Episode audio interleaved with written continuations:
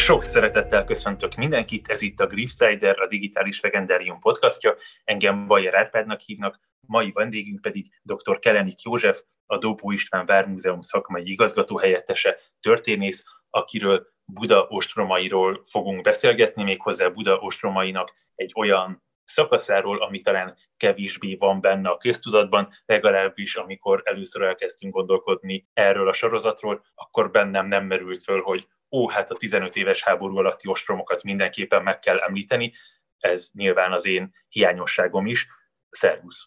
Szervusz, üdvözöllek, és üdvözlöm a kedves hallgatókat is. A törökkori Budát hogyan kell elképzelni? Mi az, ami meglepni azokat, akik mondjuk a 2021-es Budát ismerik? Ha ezen elgondolkodunk, akkor egy hasonlat jutott eszembe hirtelen, ha lenne lehetőségünk utazni az időben, és lenne egy nagyon képzett művészettörténész régész kollégánk, akinek lehetősége lenne visszaugrani a 16-17. századba, és visszaugrana a törökkori Budára, valószínűleg ő se tudná, hogy pontosan hol jár. Mert hogy az a törökkori Buda, ami a 16. században állt, egyáltalán nem is emlékeztet a mai budai vára, illetve a vár alatt elterülő vízivárosra. És ha ne Isten kitekintene a várfalak fölött mondjuk a Pesti oldalra, akkor meg egészen bizonyosan egy olyan kép tárulna a szem elé, amit, amiről a mai ember csak álmodhat. Lenézünk a budai váról mondjuk Pest felé, a Pesti oldalra, ameddig a szem ellát csak házakat, épületeket látunk. A 17. században, ami alatt a Buda török megszállás alatt volt, ha lenézett valaki Pest felé a budai várból, csak az aprócska pici fallal körülvett Pestvárosát látta, és emellett mezők, erdők, és maga a táj szépsége volt az, amit láthatott az innen a néző. Nem beszélve arról, hogy Buda városa is egészen más képet mutatott, mint a mai. Egészen biztos vagyok benne, hogy senki nem ismerne rá a korabeli Budára azok közül, akik a mai Budát, vagy a mai budai várat, vagy a vízivárost végigjárják. Azoknak az épületeknek, amik a 17. században álltak, mára szinte nyoma sem maradt. Egyrészt az idő, másrészt pedig Buda számos ostroma, és később ugye a török kiűzése után, a visszafoglalás után egymást követő építési, felújítási hullámok ezeket az épületeket eltüntették gyakorlatilag. De a legfontosabb, hogy Buda ostromai voltak azok, amelyek a legnagyobb kárt tették az épületanyagban. És az épületállományban megsérültek Buda visszafoglalásakor, szinte az összes épület megsérült Budán, alig maradt épház vagy épp templom. Tudjuk, hogy a visszafoglaláskor egy nagyon árnyú lőporobbanás is bekövetkezett, ami gyakorlatilag az egykori királyi palota nagy részét is megsemmisítette. Azt hiszem, hogy ember legyen a talpán, aki mai Buda városkép alapján, vagy a budai városkép alapján azonosítani tudná, hol is a világ mely részén jár a 16. században. A domborzat segíthet ebben? Tehát én legalábbis úgy képzelem, hogy van a vár, ahol vannak épületek, és van Óbuda, ahol vannak épületek. Ez megvolt, vagy máshol helyezkedett el valahogy a, a központ, vagy a városnak a központi része? A domborzat természetesen nem változott, viszont ami változott a növénytakaró, hiszen ebben az időszakban volt egy picike falucska vártól nyugatra, Logod, a vár alatt, ma is őrzi a település nevét a vár alatt a Logodi utca. Pár tucat házból álló picike falu volt, de e, emellett a Gellért hegy tetején állt egy aprócska török erődítés, de emellett földek, kertek, erdők, szőlők vették körül a várat, tehát nagyon nehéz lenne támpontot keresni annak, aki nem ismeri egészen pontosan a Buda körüli domborzatot.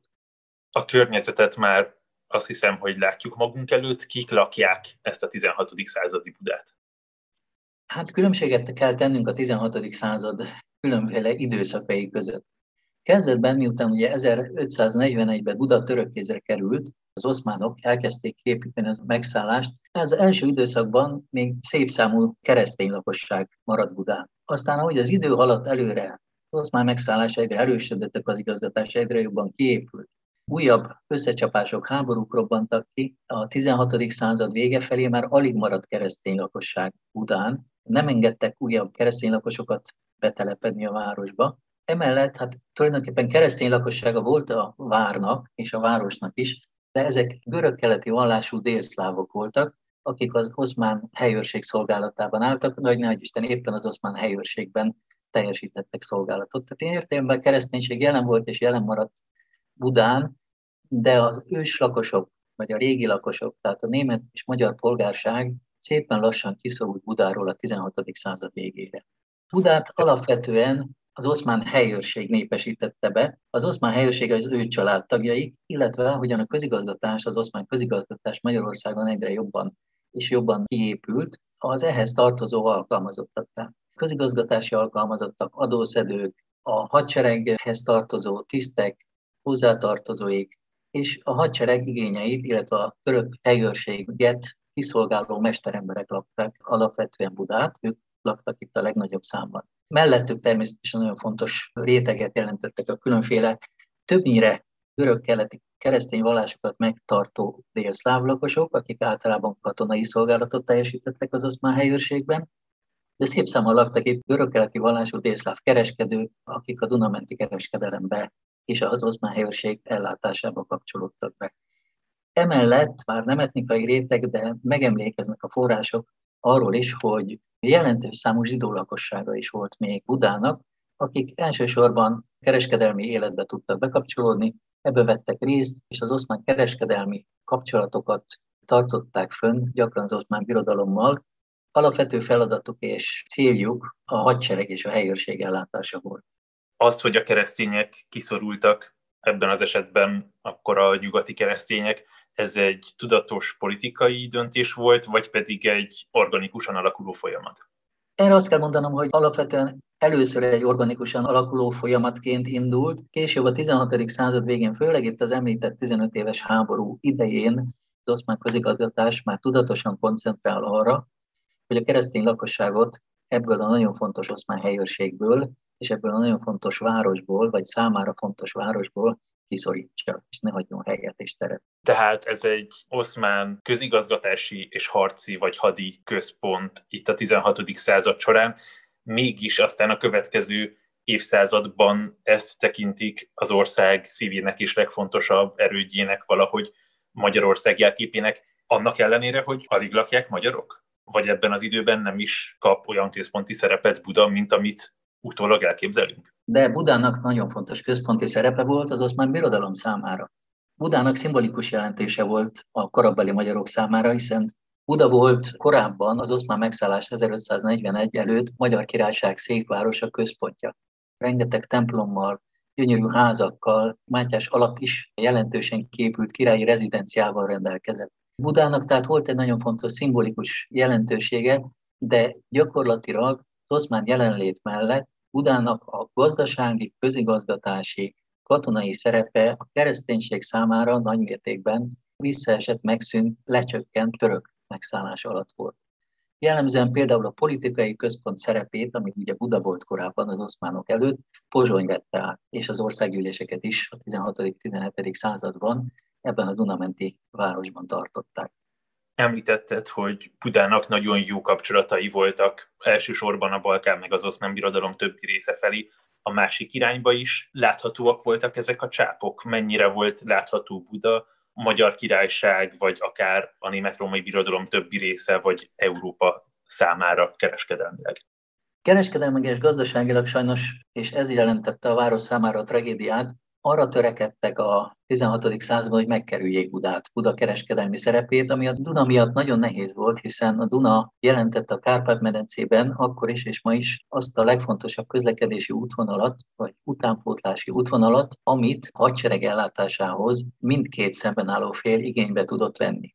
Fontos itt a Duna szerepe nagyon. Ha végig gondoljuk az oszmán hódoltság vagy a török elleni harcaink történetét, és mindezt megpróbáljuk térképre vetíteni, ne csak a 150 évre gondoljunk, hanem gondoljunk egy 300 éves intervallumra, mondjuk a 15. századtól kezdve, egészen mondjuk a 17. század végéig, a 18. század elejéig kiterjesztve az oszmánok elleni háborúkat, akkor azt kell látnunk, hogy az összecsapásnak van egy tengelye. És ez a tengely, ez egy földrajzi tengely, és ez a tengely a Duna. Magyarországra induló török-oszmán hadjáratok mindig Belgrádból indultak.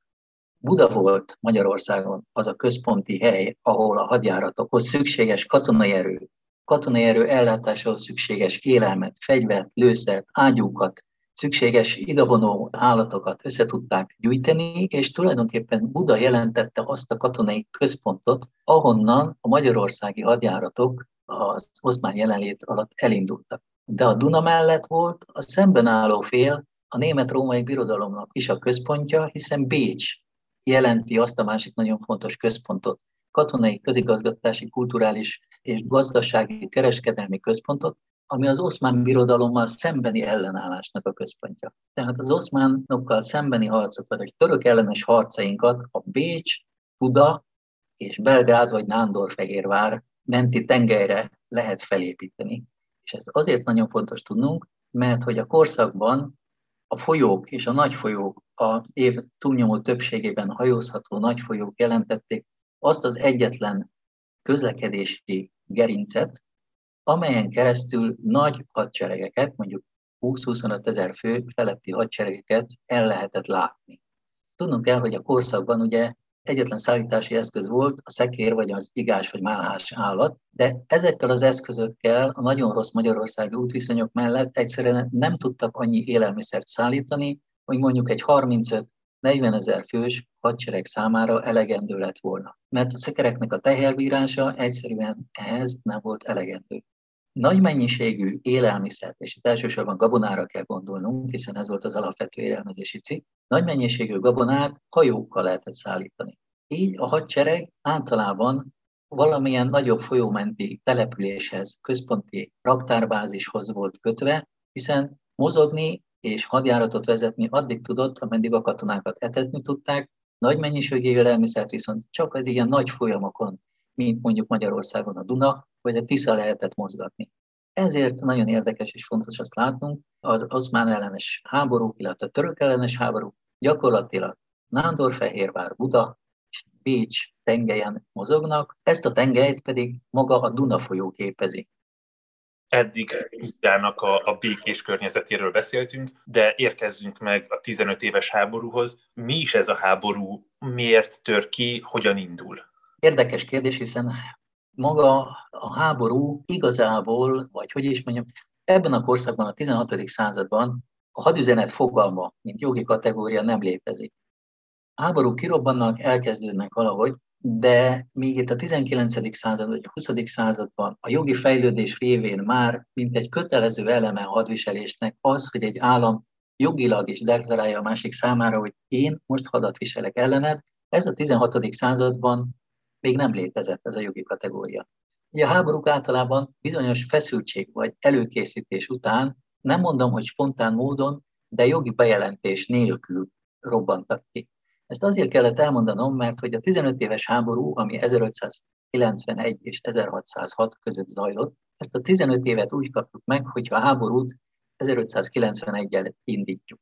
A kortársak adták neki a 15 éves háború nevet, és ez azért érdekes, mert valójában a két birodalom, tehát az oszmán birodalom és a német-római birodalom nyílt mezőn nagy haderővel 1593-ban csapott össze először, tehát mondhatnánk, hogy 13 éves csak ez a háború, de a kortársak nevezték el így, 15 éves háború, hiszen a hadakozás már 1591-ben megkezdődött a két nagy hatalom között itt a 16. század második fele a magyar történelemben nem egy kifejezetten békés és nyugalmas időszak. Mi volt ez a konfliktus, ami elindította ezt a háborút, vagy egyszerűen a két hatalomnak a terjeszkedési vágya között össze? Mi volt az, ami miatt itt fegyvert ragadtak nagyobb tömegben az emberek? Egy háború kirobbanása mindig nagyon bonyolult és összetett folyamat, amit a tankönyvekben vagy az átlagos ismeretterjesztő irodalomban nagyon nehezen tudnak megadni a szerzők vagy a történészek, hiszen egy rendkívül bonyolult gazdasági, társadalmi és mondhatni geopolitikai tényezőket is magába vonzó folyamat, amit hát elemezni kéne. Ehelyett a tankönyvekben vagy egyszerűbb, rövidebb írásokban azt olvassuk, hogy 1593-ban a boszniai pasa ostrom alá vette Sziszek várát, keresztény seregek felmentették az ostrom alól a várat, és a boszniai pasa hadait, seregeit tönkreverték. És ettől a dátumtól, 1593. június 22-től, a Sziszeki csata napjától szokták datálni a 15 éves háború kitörését. Valójában ez a dátum, illetve ez a csata vagy összecsapás már a háborúnak fontos részét képezte. Tehát a háborúnak egy részét képezte, és ezt a további események is nagyon jól mutatják, 1593-ra már mindkét szemben álló birodalom felkészült a háborúba, mindkét részről úton voltak a hadszintére a csapaterősítések, megindultak a felvonulások hozták a hadianyagot, halmozták fel az élelmiszert. De maga az összecsapás gyökere az sokkal mélyebbre vezet. Az összecsapás gyökerét ott kell keresnünk, hogy az oszmán birodalom, illetve az oszmán jog gyakorlatilag a békét a keresztényekkel a korban nem is ismerte el. Tehát fegyverszünetet kötni keresztényekkel különféle szükséges okok, kényszerítő okok miatt lehetett, de a dzsihád, a szent háború jogilag nem szünetelhetett. Tehát a fegyverszünetek, amiket az oszmánok kötöttek, a keresztény oldalon ezt következetesen békének vagy békeszerződéseknek nevezték, de az oszmánok ezt eleve csak fegyverszünetnek és időnyerés céljából tartó fegyverszünetnek tartották.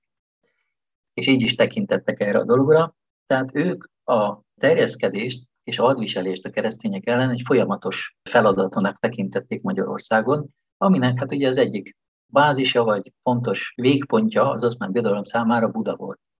Tehát eleve nagyon fontos tényező, hogy az oszmán birodalom a háborúról soha nem tett le. Tehát a terjeszkedésről és a keresztény területek további meghódításáról soha nem tett le. Voltak kényszerítő okok, amik miatt nem tudta folytatni az itteni háborút vagy terjeszkedést, Például, hogy 1578 és 1590 között az oszmán birodalom keleten Perzsia ellen viselt egy nagyon véres és nagyon kimerítő és nagyon költséges háborút. Tehát az erőforrásai alapvetően messze keleten voltak lekötve, és örült, hogyha itt a nyugati végeken, már az oszmán birodalom nyugati végein biztosítani tudja a békét, és szép békésen építgeti az itteni magyar hódoltságot.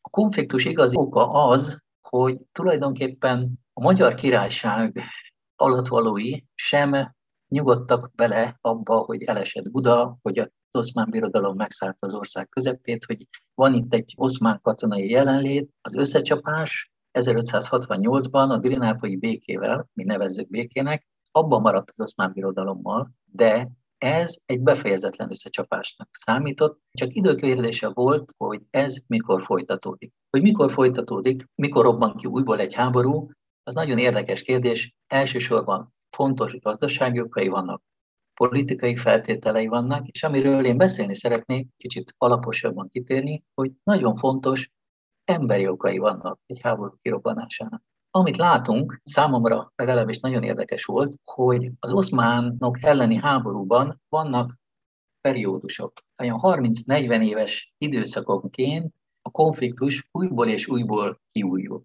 Ha megpróbálunk ennek a mélyére nézni, nagyon sok okot természetesen gazdasági, politikai, katonai okot kell keresnünk, de amiről el szoktunk feledkezni, de fontos dolog, hogy a döntéseket, a politikai, gazdasági, katonai döntéseket akkor is emberek hozták. Politikával foglalkozók, uralkodók, az uralkodók környezete, katonai, gazdasági, államigazgatási vezetésben dolgozó emberek, politikusok, akiknek bizonyos döntéseket föl kellett vállalni és meg kellett hozni.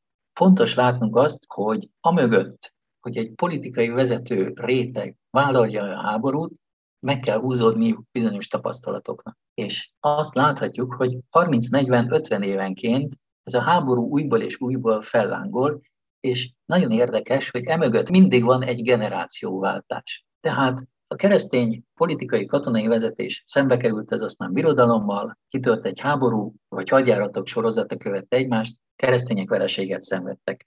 Ebből levonták a konzekvenciákat, fegyverszünet vagy béke következett. Majd eltelt 20-30-40 év, vagy 50 esetleg, és felnőtt egy olyan új politikai vezetőréteg, egy olyan új generáció a döntéshozók körében, akik életükben, saját személyes tapasztalatukban még nem találkoztak az oszmán birodalom erejével, nem találkoztak a vereségízével, nem találkoztak azokkal a súlyos döntésekkel, amikkel a háború járt. És mindig, amikor egy új generáció került döntési pozícióba, és dönteni lehetett amellett, hogy vállalják az oszmán birodalommal szembeni ellenállást, a fegyveres ellenállást és a háborút, azt figyelhetjük meg, hogy mindig egy olyan generáció vállalta újból és újból a háborút, ami az előző időszakban nem szenvedett személyes vereséget, nem voltak személyes veszteségei, legyenek ezek politikai, gazdasági vagy katonai veszteségek, nem voltak személyes veszteségei, nem tapasztalta meg személyében és tapasztalataiban az oszmán birodalom erejét és a rendelkezésére álló hatalmas erőforrásokat. Tehát ezt láthatjuk a 15 éves háborúban is, hogy az a generáció, az a politikai vezető réteg, gazdaságvezető réteg, adminisztráció, politikai, katonai adminisztrációban fontos szerepet betöltő réteg, amely mondjuk 1550-es, 60-as években harcolt az oszmán birodalommal, ez 80-as, 90-es évek végére már viszonylag kevés befolyással rendelkezett, vagy kiöregedett már ezekből a pozíciókból. Tehát mások, fiatalabbak, és az oszmán birodalom erejével még nem találkozott politikai vezetők voltak mindig azok, akik felvállalták a háborút a birodalommal. Ez is nagyon fontos szerepet játszik abban, 1591-ben elkezdődött ez a 15 éves háború, aztán 1593-tól lángolt fel teljes erejével. Az, hogy ezt a generációs szembenállást vagy elkülönülést behozod, azzal azt is hallom a szavaidból, mint hogyha a török elleni harcok azok egy, hát ha nem is egy kudarc történet lennének, de egy folyamatos megpróbáltatás történet, hogy megpróbáljuk, nekik megyünk, és vereséget szenvedünk, és nem sikerül, és akkor az a generáció már inkább pihenés és békére törekszik, és aztán a következő generáció megint feláll, lelkesen neki megy az oszmán birodalomnak, és nekik se sikerül. Ezt jól értem? Igen, ugyanakkor van ebben, vagy figyelnünk kell arra is, hogy telik az idő. Tehát eltelik minden nagy oszmán ellenes megmozdulás, vagy nagy oszmán ellenes háború között 30-40-50 év. Ezzel alatt az idő alatt pedig változások következnek be. És az oszmán birodalom, hát Szulejmán alatt élte Magyarországon is azt a korszakát, amikben a legerősebb volt, amely korban ereje csúcspontján állt. Tehát a Mohácsi csata, Mohács jelentősége az ugye közismert a hallgatók számára, de a Mohácsi csata és az ezzel járó vereség egy nagyon mély megrázkodtatást, sokkot jelentett az ország számára. Az 1550-es, 60-as évekre ez a sok már szűnni látszott, és felnőtt egy olyan generáció, amely nem az osztrán birodalom teljes erejével került szembe, hanem csak az itt hagyott a magyarországi területeket megszálló katonasággal, ugye ami létszámában, összetételében, erőforrásaiban azért jóval korlátozottabb volt, mint az oszmán birodalom főereje. A magyar nemesség, aki itt találkozott ezzel a hátrahagyott oszmán helyőrséggel, illetve a megszálló török csapatokkal, azt látta, hogy hát nem is olyan erősek ezek. Ezeket meg lehet verni, hiszen a portyázó harcok Magyarországon is erről szóltak, hogy csak nem minden portyázó összecsapásból a magyar fél vagy a keresztény fél került ki győztesen. Ez annyira nem is különös, hiszen a magyarok, illetve a magyarországi keresztény helyőrségek sokkal jobban ismerték a, a hadszínteret, segítette őket a lakosság, tájékozottabbak voltak, jobbak voltak a hészerzési forrásaik. Tehát egy-egy ilyen összecsapásból, vagy portjából nem csoda, hogy a keresztények kerültek ki, többségében győztesen. És ne felejtsük el, hogy az oszmán birodalom ugye máshol is hadat viselt. Említettem, hogy 1578 és 90 között Perzsia ellen viselte nagyon fontos és nagyon nehéz háború. Ez azt jelentette, hogy a katonai erőt is át kellett csoportosítani. Magyarországról vittek el katonákat, vittek el fegyverzetet, vittek el ágyúkat a keleti hadszintérre. Ez gyengítette Magyarországi hadszinteret az oszmánok oldalán, és így az összecsapásokból általában a keresztények sikerrel kerültek ki, és egyre inkább érezték a sikerek révén, hogy hát nem olyan erősek ezek. Még sincs ezeknek akkor hatalma, még sincs ezeknek akkor ereje. Amire még figyelnünk kell, hogy telik múlik az idő, az oszmán birodalom a 16. század közepére érje el ereje delét. Ekkor talán a legerősebb.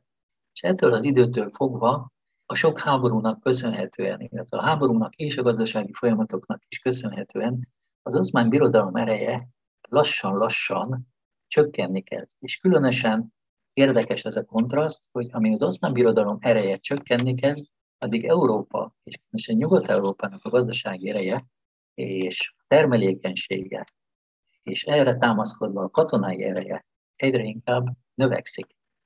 Abban, hogy generációváltások után nagyobb esélyt látnak az oszmánokkal szemben, fontos szerepet játszik az, hogy az esély valóban növekedett is. Tehát kezdtek az erőviszonyok kiegyenlítődni, és közeledtek egymáshoz az esélyek. Tehát amíg a 16. század elején, mondjuk Mohács után, vagy a Mohács utáni 20 évben szinte reménytelennek látszott az oszmán birodalommal szembeszállni, addig a 16. század végén, a 15 éves háború idején éppen keresztények és azok, akik döntéshozó pozícióban voltak, már nem látták ennyire reménytelennek.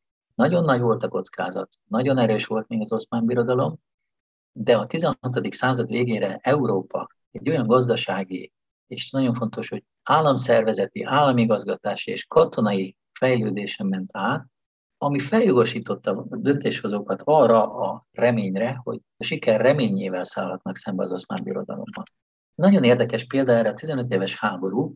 Korábban ugye ilyen hosszú, folyamatos háborút az oszmánok és keresztények nem vívtak. Volt egy-egy hadjárat, vagy ne egy Isten két évnyi hadjárat egymás után, de 15 évig tartó hadakozás nem létezett a két ellenfél között. Az oszmán hadjáratok általában rövidek, egy, legfeljebb két évig tartottak a hódító hadjáratok. Elfoglaltak egy-egy várat, egy-egy nagy várat vagy erődöt, ezt megszállták, és tulajdonképpen ezután kezdődött igazából a hódítás és a megszállás. Tehát idő kellett ahhoz, hogy egy katonai győzelmet, mondjuk egy vár elfoglalását, átkonvertálják abba, hogy a vár körüli területeket, vagy a vár ellenőrzés alatt álló területeket megszállják, birtokba vegyék, elkezdjék adóztatni, a bejövő jövedelekből tovább építsék a közigazgatást, és szép békésen, idézőjelben, csöndesen folytassák ennek a várnak a bázisán a hódoltatást, a hódítást. Amikor ez a hódoltatás vagy hódítás békésen már nem működött, mert a szemben álló fél, a keresztény oldal tovább elviselni már nem volt hajlandó, általában olyankor került sor fegyveres összecsapásra, de ennek a fegyveres összecsapásnak, vagy a nyílt háborúnak nagyon fontos más kritériuma is voltak. Említettem a generációváltást, említettem azt, hogy Európában nagyon fontos gazdasági változások zajlanak, nagyon fontos politikai változások zajlanak. Az oszmánok elleni védelem igazgatása, fenntartása, ellátása érdekében a Habsburg birodalomnak nagyon fontos reformokat kellett bevezetnie. Biztosítani kellett a katonai közigazgatást, a védelmi vonalnak az ellátását, a fenntartását, a továbbépítését, a katonáknak a biztosítását, a katonák zsoldjának az előteremtését, és gyakorlatilag ez egy nagyon fontos fejlődést indított az oszmán birodalomban, hiszen a politikai közigazgatási rendszernek volt már egy olyan nagyon fontos célja, ami a birodalmon belül mindent felülírt, hiszen a pogány hódítók elleni védelem nagyon fontos szempont volt. És ezért a birodalmi rendek ezeket a törekvéseket általában, hogy a külső fenyegetést kivédjék vagy megszüntessék, támogatták is a központi kormányzatot, illetve az uralkodót ezekben a törekvésekben. Tehát a háború és az oszmán birodalom elleni védekezés reformokat szült. Először közigazgatási, aztán katonai, aztán gazdasági reformokat. Ez fejlődést indított el. A fejlődés és az új generációban kiépült egyfajta önbizalom, egyfajta más mérlegelési technika, és valójában jól látták ők ezt a helyzetet, hogy igen, nőtt az erőnk, szervezettebbek lettünk, jobb a hadseregünk, jobb az ellátásunk, és látjuk, hogy az oszmán birodalom pedig nem követett minket ebben. Nem olyan jók ők, nem olyan erősek ők, mint amilyennek hiszük. Sor kerül egy összecsapásra, kirobban egy háború, mint például itt van ugye 1550-es években a nagy várháborúkora, ami 1566-ban zárult re Szigetvár és Gyula bevételével és török elfoglalásával. Aztán hosszú időre béke következett, majd a 1590-es években megint kirobban egy háború, egy hosszú háború, ennek az 1590-es években színre lépő új generációnak kik a vezéralakjai, kik a, a vezetői magyar részről? Ebben az 1590-es években, ha nem is színre lépő, de a politikai életben fontos szerepet kapó magyar főnemességnek olyan képviselői vannak, mint a nádasdiak, a pálfiak, az erdőgyek, vagy éppen az Rínyi család.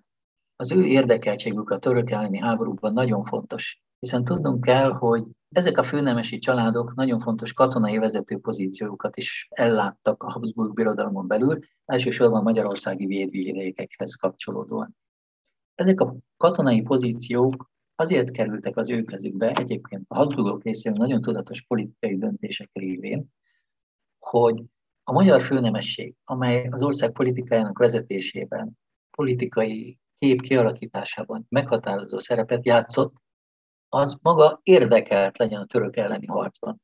Hiszen ha én a magam birtokait, a magam birtoktesteit védelmezem, azt senki rajtam kívül olyan lelkesen más nem fogja megtenni.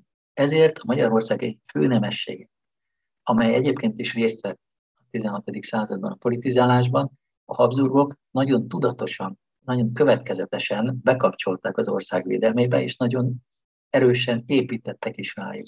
Meghallgatták a véleményüket, politikai helyzettel vagy a katonai helyzettel kapcsolatban megfontolták a lehetőségeket, és abban például, hogy ez a 15 éves háború kirobban, és a Habsburg birodalom, illetve a Habsburg házi királyaink az összecsapást vállalták, nagyon nagy szerepe volt abban, hogy az a magyar főnemesség, amely egyébként fontos katonai pozíciókat is betöltött a végvidéken, egyértelműen amellett foglalt állást, hogy ezt a háborút az oszmánok ellen vállalni kell, mert az a fajta idézőjelben vett együttélés, ami eddig működött, eztán már a továbbiakban nem folytatható, és remény lehetőséget láttak arra, hogy egy háború kirobbanásával az ő gazdasági, politikai státuszok is változni fog, lehetőséget láttak arra, hogy az oszmán birodalmat bizonyos területeken visszaszorítsák Magyarországról, kiszorítsák azokról a területekről, amelyeken esetleg az ő birtokaik is feküdtek. Tehát nagyon fontos a generáció váltás mellett látni azt, ismét csak egy emberi tényező, az érdekeltség mennyire fontos a háború viselésében, kirobbanásában és lefolytatásában. Olyan katonai vezetőket, politikai, katonai politikai vezetőket vont be a Habsburg Birodalom Magyarország katonai védelmében, akik személyesen is érdekeltek voltak ebben a háborúban. Ebből egy logikus döntéslépés volt, hogy például próbálják meg elfoglalni Budát? Mikor kerül sor az első ostromra ebben az időszakban, és, és milyen körülmények között? Nagyon érdekes dolog a hadviselés, mert hogy sok olyan tényező van, amit utólag a történelem, vagy a történészek utólag nagyon jól látnak, de a kortársak ott és akkor, amikor döntést kellett hozni, nem tudtak, nem ismertek, vagy nem láttak. Azt viszont minden kortárs tudta Magyarországon, hiszen jól ismerték a magyarországi hadszinteret, a politikai és katonai vezetők egyaránt. Tudták, hogy Buda az oszmán birodalom számára kulcsfontosságú. Tudták, hogy a magyarországi oszmán jelenlét és az oszmán megszállás és az az erőd vagy várrendszer, amit az oszmán birodalom Magyarország területén kiépített a megszállás érdekében, igazából addig tartható, logisztikailag addig tartható fenn, amíg Budát a kezünkbe tudják tartani az oszmánok. Hiszen említettem, hogy a Duna miatt ez volt a legfontosabb közlekedési és utánpótlási útvonal. És éppen a visszafoglaló háborúk, a 17. század végén induló visszafoglaló háborúk példája mutatja azt, hogy 1683-ban Buda elesett, és ezután, hogyha az oszmán felmentő hadakat valahol megállították, az összes többi kisebb oszmán kézen levő török vár hosszabb vagy rövidebb ostrom, de leginkább ostrom zár vagy blokád letelte után nem tehetett más, mint hogy megadta magát, mert egyszerűen kifogyott az élelmiszerből. Nem tudta eltetni a katonáit, nem tudta fenntartani a védelmet. Tehát Buda szerepe fontos volt abból a szempontból, hogy ebben a korszakban a leggyengébb láncszem nem a fegyver, nem a lőszer, nem az ember, hanem az élelmiszer. Tehát ha a katonákat etetni kellett, és írtozatos tömegű élelmiszerről van szó, hiszen a korban úgy számolták, hogy ahhoz, hogy egy katona életben maradjon, és többé-kevésbé harcképes maradjon, egy nap legalább másfél kiló kenyeret és egy fél kiló húst meg kell kapnia. Ez azt jelenti, hogy minimum két kilogramnyi élelmiszert egy embernek biztosítani kellett. Na most egy 30 ezer fős hadsereget veszünk, akkor ez azt jelenti, hogy egy hónap alatt 180 tonna élelmiszert kell számukra oda szállítani, ahol éppen vannak. 180 tonna megmozgatás az én mai kamionos és útpályás mai világban sem egyszerű feladat. És mondjuk, hogyha elhúzódott egy hadjárat, és 30 ezer katonát négy hónapig etetni kellett, körülbelül 720-750 tonna élelmiszert kellett megmozgatni, és ezt odaszállítani ezekre a területekre. Tehát itt a legnagyobb gondot a hadviselésben nem a fegyver, nem az ember, nem a lőszer jelentette, hanem az élelmiszer és az élelmiszer mozgatása. Ezért volt nagyon fontos Buda, ezért volt nagyon fontos Bécs a keresztények számára, Buda az oszmánok számára, hiszen közlekedési csomópontként, utánszállítási csomópontként, raktárbázisként működtek. És ezért nagyon fontos volt a budai vár. A budai vár jelentette az oszmán birodalom Magyarországi területének a logisztikai központját. Ezt pontosan tudták a kortársak, és hiszen jól ismerték a kornak a viszonyait, és ezért a hadjáratok, illetve a 15 éves háború hadjáratai már kezdettől fogva megpróbáltak csapást mérni Budára, megpróbálták elvenni az oszmánoktól Budát.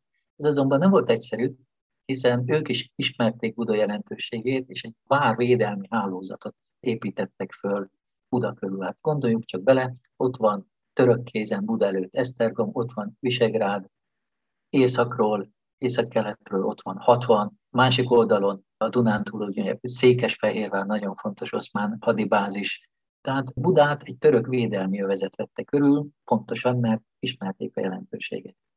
És először minden hadjáratnak ez az alapja, a központot támadjuk, először ki kell iktatni az oda vezető útnál az akadályokat. Tehát először be kellett venni a kisebb várokat. Be kellett venni Esztergomot, be kellett venni Visegrádot a keresztényeknek ahhoz, hogy Budát megtámadhassák. És ugye erre a 15 éves háború kirobbanása után 1594-ben keresztények tettek is kísérletet, ostrom rávették Esztergomot. Ez az ostrom sikertelen volt. Aztán 1595-ben következőben ismét megpróbálták, ekkor már sikeres volt, és elfoglalták Esztergomot. Tehát a, egy lépéssel közelebb jutottak Budához, arra törekedett a keresztény hadvezetés, hogy Budát, a budai erődöt, a budai várat, a budai logisztikai központot elszigetelje, és megteremtse a lehetőségeket arra, hogy közvetlenül is ostrom alá vegye erre először 1598-ban adódott lehetőség. Ekkor érte Budát a 15 éves háború idején az első keresztény ostrom. A gond az volt, keresztény haderő nagyon lassan és nagyon nehezen mozgott. Lassan gyűlt össze. A keresztény haderőt képező csapat kontingensek nagyon széles és nagyon távoli területekről, például Flandriából, Franciaországból, Itáliából, Sziléziából, Csehországból, a német birodalom különböző területeiről érkeztek Magyarországra. Ők valahol Komárom, Győr vagy Pécs környékén gyűltek össze, és innen indították meg a magyarországi hadjáratot. Tehát nagyon lassan ment ez a felvonulás, mert hogy a keresztényeknek a szállító és logisztikai rendszere nem volt olyan fejlett, vagy nem volt olyan jól kiépített, mint az oszmán birodalomé. Ennek nyilván számos oka van, hiszen az oszmán birodalom tudjuk egy erősen központosított állammal rendelkezett, aminek legfontosabb feladata a hadviselés volt. A nyugati államok, mondjuk német-római birodalom, Franciaország, az itáliai kis államok élték az életüket, és tulajdonképpen nem a háborút különleges és rendkívüli állapotnak tekintették, és mindig különleges és rendkívüli erőfeszítést igényel. Így a háború üzemeltetése, ellátása, táplálása pénzzel, emberrel, fegyverrel, élelmiszerrel sokkal nehezebb feladatot jelentett ezeknek az államoknak, mint az oszmán birodalomnak, amelynek alapvető célja is rendeltetés, a hódítás és a háború volt. Ebből ered, hogy sokkal nehezebben, még a 16. század végén, még sokkal nehezebben, sokkal lassabban mozogtak a keresztény hadseregek. Nem volt megfelelő az utánpótlási rendszer, gyakran éheztek a katonák, kevés volt az élelmiszer, rosszak voltak az ellátási viszonyok, és ezt késve érkeztek meg a hadszintére. Tehát Buda ostromát is 1598-ban csak valamikor októberben tudták elkezdeni, ami hát azért fontos tényező, hiszen októberben már tudjuk, aki, aki természetjáró, vagy sokat kirándul, hogy októberben azért a hajnalok már, meg az esték már különösen csípősek tudnak lenni, és a katonák ebben az időszakban nem lévén laktanyák, ugye a szabad ég alatt sátrakban éltek, itt teljesítettek szolgálatot, tehát a hideg, az esőzés, az élelmiszer ellátás nehézségei, a szállítás nehézségei, mind meghatározták azt, hogy egy-egy katonai művelet mennyire lesz majd sikeres. És egy későn kezdett ostrom gyakorlatilag már magában hordozta a kudarc lehetőséget. Buda ostromára gyakorlatilag a 15 éves háború alatt kétszer került sor, 1598-ban, viszonylag későn októberben láttak neki az ostromnak, majd 1602-ben szintén októberben láttak neki az ostromnak, Tettek egy próbálkozást 1603-ban is, de itt igazából az ostromig már el se jutottak, hiszen látták, hogy az erőviszonyok nem megfelelőek, nem lesz elég élelmiszer, nem lesz elég lőszer, nincs elég ostromágyú. 1603-as ostrom valójában el se kezdődött, ha bár a keresztény hadsereg ott volt Buda környékén, és a Csepen-szigeten vereséget is mért az oszmán tábori csapatokra, de igazából Buda ostrom már nem kezdődött el. Ezt tehát akkor úgy kell elképzelni, hogy kitűzik a keresztény seregek, hogy abban az évben eljutnak Budáig, de mire eljutnak, addigra eltelik annyi idő, és kifullad annyira a hadsereg, hogy hát valami ostromszerűség esetleg elindul, de néhány hét vagy hónap után visszavonulnak, mert nincs elég erejük, és, és mert hideg van a harchoz. Ez a forgatókönyv kétszer-háromszor háború során. Igen, lényegében ez a forgatókönyv. Azért a nehézségek mellett vannak itt mások annak, hogy ilyen későn kezdenek az ostrom. Török elleni sikerek majd később, 17. század végén, tehát 1680-as évekről beszélünk, azért haladtak olyan szépen a visszafoglaló háború idején, mert hogy a keresztény hadsereg átvette a kezdeményezést.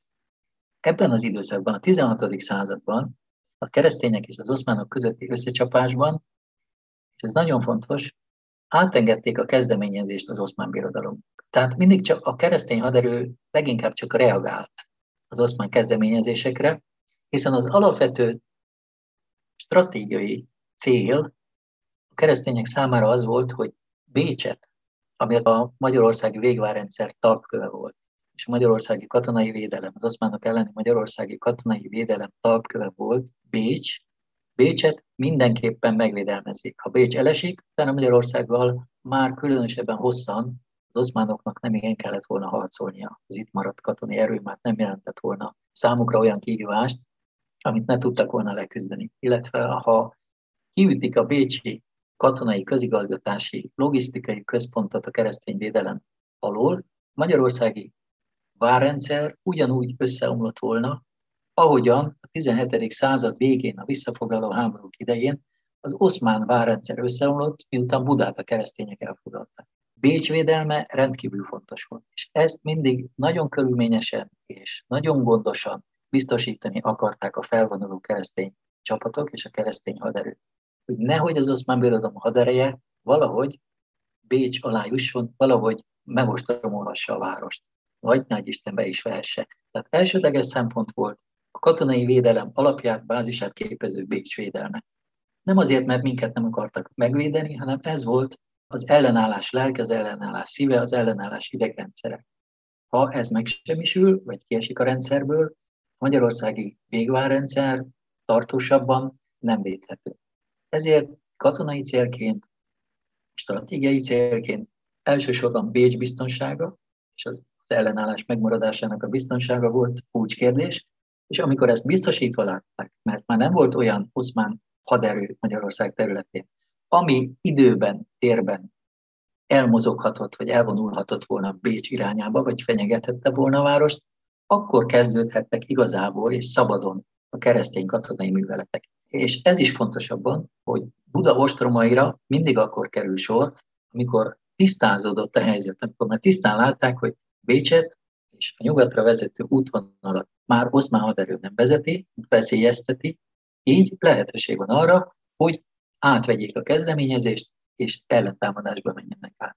De ez általában sajnos mindig csak az évnek, illetve a hadjárati időszaknak a második felére esett, amikor már nagyon kevés idő, energia, fegyver, élelmiszer, lőszer maradt arra, hogy valamilyen katonai eredményt elérjen amikor megérkezik a keresztény sereg Buda alá, hogy megostromolja, akkor kik vannak ezekben a csapatokban, milyen arányban vesznek részt magyarok ezekben a harcokban, és a magyarokon kívül kik vannak még itt jelen keresztény oldalon? Nemzetiségekről tudok beszélni. Nagyon fontos látnunk azt, hogy ebben a korszakban a keresztény hadsereg az egy zsoldos hadsereg. A német-római birodalomnak nincsen állandó hadserege, az oszmán birodalomnak van állandó hadserege. A német-római birodalom bármekkora is nem tart fent állandó hadsereget, minden évben újra kell toboroznia egy hadsereget, amit az oszmánok elleni háborúba bevett. Ez nyilván idő, szervezés, pénz, energia. Emberanyag a korabeli Európában bőséggel áll rendelkezésre, hiszen olyan gazdasági változások folynak. Korai kapitalizmus kialakulás egy olyan fázisához érkezett, amikor rendkívül mennyiségű szabad emberanyag áll rendelkezésre, akit fel lehet fogadni zsoldosnak. Tehát gyakorlatilag egy hadsereg nagyságát a korban, a keresztény oldalon is a rendelkezésre álló pénz mennyisége határozta meg. Kik vannak jelen Buda alatt? Nagyon fontos ugye tudnunk, hogy zsoldos hadseregek folytatják le az oszmán birodalom elleni háborúkat. Emberanyag bőséggel állt rendelkezésben a korban, hiszen a korai kapitalizmusnak egy olyan szakaszát éli Európa, amikor olyan társadalmi-gazdasági változások mennek végbe, amelyek a feudalizmus korábbi szakaszéhoz képest hatalmas mennyiségű emberanyagot küldenek a munkaerőpiacra, mai fogalommal élve, és ezt az emberanyagot igazából a hadseregek tudják a leginkább felvenni, hiszen rövid távú megélhetést ugyan, de megélhetést biztosítanak az emberek. Így katonállományban nem volt hiány, és Németalföld nyugati csücskétől egészen a doni kozákokig mindenhonnan toboroztak katonákat ezekbe a keresztény hadseregekbe. Természetesen ez a katonai igényektől is függött. Például, akik hadsereget állítottak össze, mondjuk a Habsburg birodalomban, az udvari hadatanács szervezte a hadállítást. Az itt ülő katonák, szervezési, logisztikai szakemberek pontosan tudták, hogy mire van szükség a török elleni háborúban, milyen csapatnemeket szeretnék. Például nagyon híresek voltak a valló. Őket az egykori Flandria területén toborozták. Nagyon kiválóak voltak a német lovaspuskások. Őket német birodalom különféle területeiről szedték össze. Kiválóak voltak például a lengyel kopjások vagy a kozákok azokban a könnyű portyázó harcokban, amiket a török ellen kellett lefolytatni. Így fogadtak hadba akár kozák vagy lengyel katonákat, de fogadtak hadba Csehországból, fogadtak hadba Sziléziából katonákat. Tehát gyakorlatilag Európa teljes területéről, Itáliából rengeteg zsódos katona érkezett Magyarországra. Európa teljes területén folyt a toborzás egy olyan esetben, amikor Magyarországra kellett az oszmánok ellen hadat vezetni. De voltak itt francia önkéntesek, most nemes emberek, akik hát kalandként, vagy feladatként, vagy nagy Isten üzleti lehetőségként látták a török háborút. Tehát egy rendkívül vegyes összetételű hadsereg érkezett ide, amiben vallonok, flamandok, franciák, itáliaiak, németek, a német birodalom legkülönbözőbb területeiről érkező németek, nagyon nagy számban az osztrák területről érkezett katonaság, de voltak itt csehek, lengyelek, sziléziai, morvák, nagy számban szolgált mindig a Habsburg birodalom hadseregében délszláv katonaság. Tehát a magyarországi várrendszerben szolgálatot teljesítő, vagy éppen szabad kapacitással rendelkező horvátok, szerbek, délszlávok és magyarok természetesen nagy számmal voltak a hadseregben mindig jelen.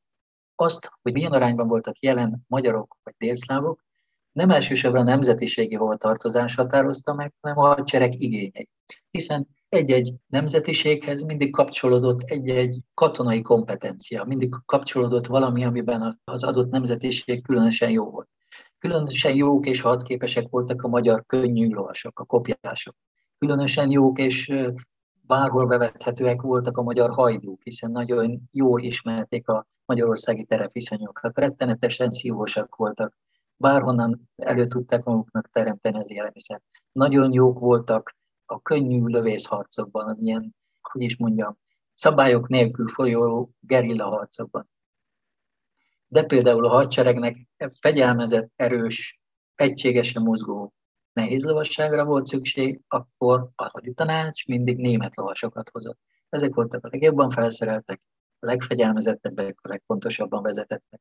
Nagyon híresek voltak a a korban. Nagyon jól lőttek, jól értettek a fegyverükhöz, nagyon szívósak voltak. A valló muskétásokat a csatamezőn kiválóan tudták használni. Nagyon jó katonai erejük volt, nagyon nagy katonai értékük volt. Így, amikor a hadsereget összeállították, azt szerint válogatták, hogy mi volt a cél. Ha ostromra készültek, nyilván nagyobb gyalogos erőt állítottak ki. Ha mezei ütközetre, vagy elhúzódó harcra készültek, ahol több lovas kellett, akkor nyilván több lovast toboroztak a hadseregbe, és a lovasság létszáma és aránya nagyobb volt. Tehát azt kell mondanom, én úgy látom, hogy mindig a katonai cél és a, az adott évre kitűzött feladat volt az, ami megszabta, hogy milyen irányban megy el a toborzás. Több idegen katonát próbálnak hozni, vagy nagyobb arányban támaszkodnak a hadszintéren található elemekre, magyarokra, délszlávokra, horvátokra ha a hadvezetést nézzük, akkor mennyire van jelen az a magyar új generáció, akiket említettél a beszélgetés egy korábbi pontjában, ezek a magyar arisztokrata főnemesi családok, mennyire láthatóak a hadvezetés szintjén? Ők nagyon fontos szerepet játszottak. A hadvezetés a korban, ellentétben a maival, Ma alapvetően egy nagyon centralizált és felülről lefelé haladó kommunikációs láncban történik a hadvezetés. Ebben a korszakban sokkal, hát azt kell mondjam, hogy talán ez a megfelelő szó, demokratikusabb volt a hadvezetés. Tehát volt a hadseregnek egy elvi főparancsnoka, ugye a magyarországi hadszintéret Mátyás főherceg felett, Habsburg Mátyás főherceg. Elvileg ő volt a haderő főparancsnoka, ő több hadjáratot is vezetett személyesen. A vezetést azt kell értenünk, hogy ő képviselte a politikai akaratot. A katonai döntéseket ő egyedül gyakorlatilag nem hozott, azt mindig az adott hadsereg, haderő, haditanácsa együttesen hozta meg. Ezt onnan tudjuk, hogy erről maradtak a jegyzőkönyvek, mindenki elmondta a véleményét, szerintem mi a teendő, milyen irányba kell elmozdulni, mik ennek az előnyei, mik ennek a hátrányai, mik a lehetséges kockázatok. Ezt megbeszélték, megvitatták haditanácsban, tehát ha nem volt egyértelmű az álláspont, szavazásra került sor, ha a szavazás döntetlenre végződött, vagy nem kristályosodott ki a határozott álláspont, akkor a politikai vezetés, tehát Mátyás főherceg volt az, aki a végső szót kimondta, és döntött abban, hogy az A verziót követjük, a B verziót követjük, a C verziót követjük a haditanács döntései alapján.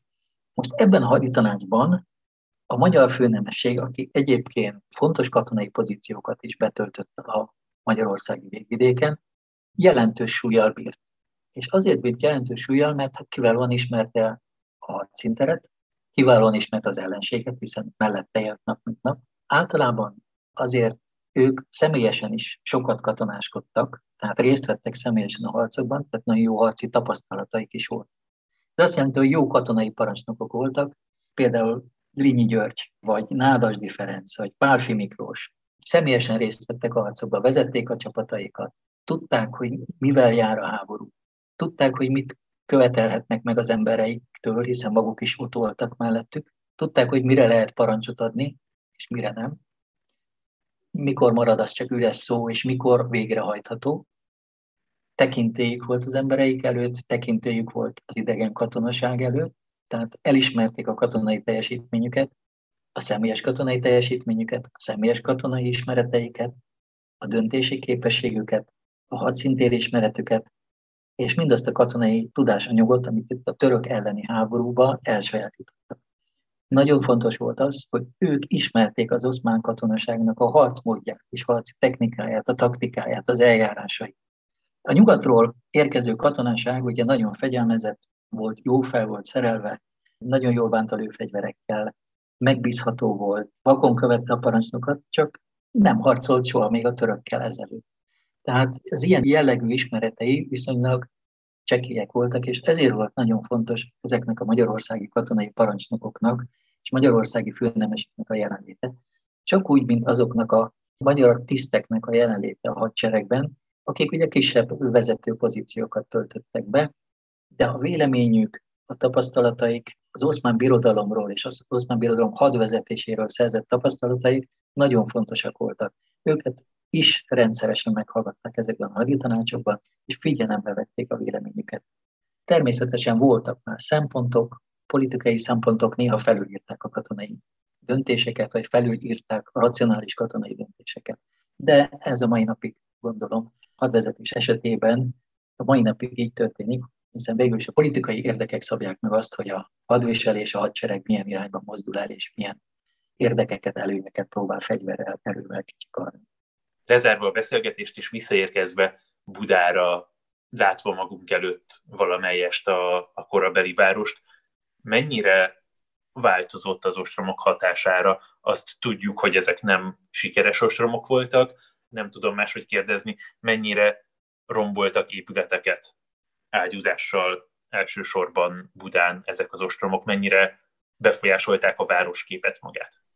Ezek a 16. század végi ostromok, a 15 éves háború idején lezajlott ostromok rövidek voltak, és alapvetően arra törekedtek, hogy a katonai építményeket támadják, tehát alapvetően a városfalakat próbálták, vagy a várfalait próbálták szétlőni, ezeken próbáltak részt. Nagyon céltudatosan használták a tüzérséget, tehát a városban viszonylag kevés kárt tettek, mert a háború mindig kárral és nagy kárral, és egy ostrom különösen nagy kárral jár, hiszen ilyenkor elővigyázatosságból például, hogy ne üssön ki tűz a városban, véletlenül sem. Leverték a tetőket, lebontották az összes tetőt. jobbára ugye akkor még szalmával, náddal, vagy fazsiddejel voltak fedve az épületek, tehát ezeket nagyon gyúlékonyak voltak, ezeket általában mindig gyorsan lebontották, letarolták. Ostam alatt mindig nagyszámú katonaság gyűlt a városba, ami hát, aminek az elsődleges feladata ugye a, a vár védelme, katonai feladat volt, és ez bizony nyomot hagyott az épületeket, mert hogy lyukakat, lőréseket vágtak az épületbe, elhordtak épületeket, hogy betömjék a várfalakon ütött réseket, hát az épületek kőanyagát, épületanyagát, faanyagát elhordták. De igazából azt kell mondanunk, hogy a 15 éves háborúnak ez a kép ostroma, mi Budát érte, túlságosan nagy kárt a városban, és a várban és a várnegyedben nem tett.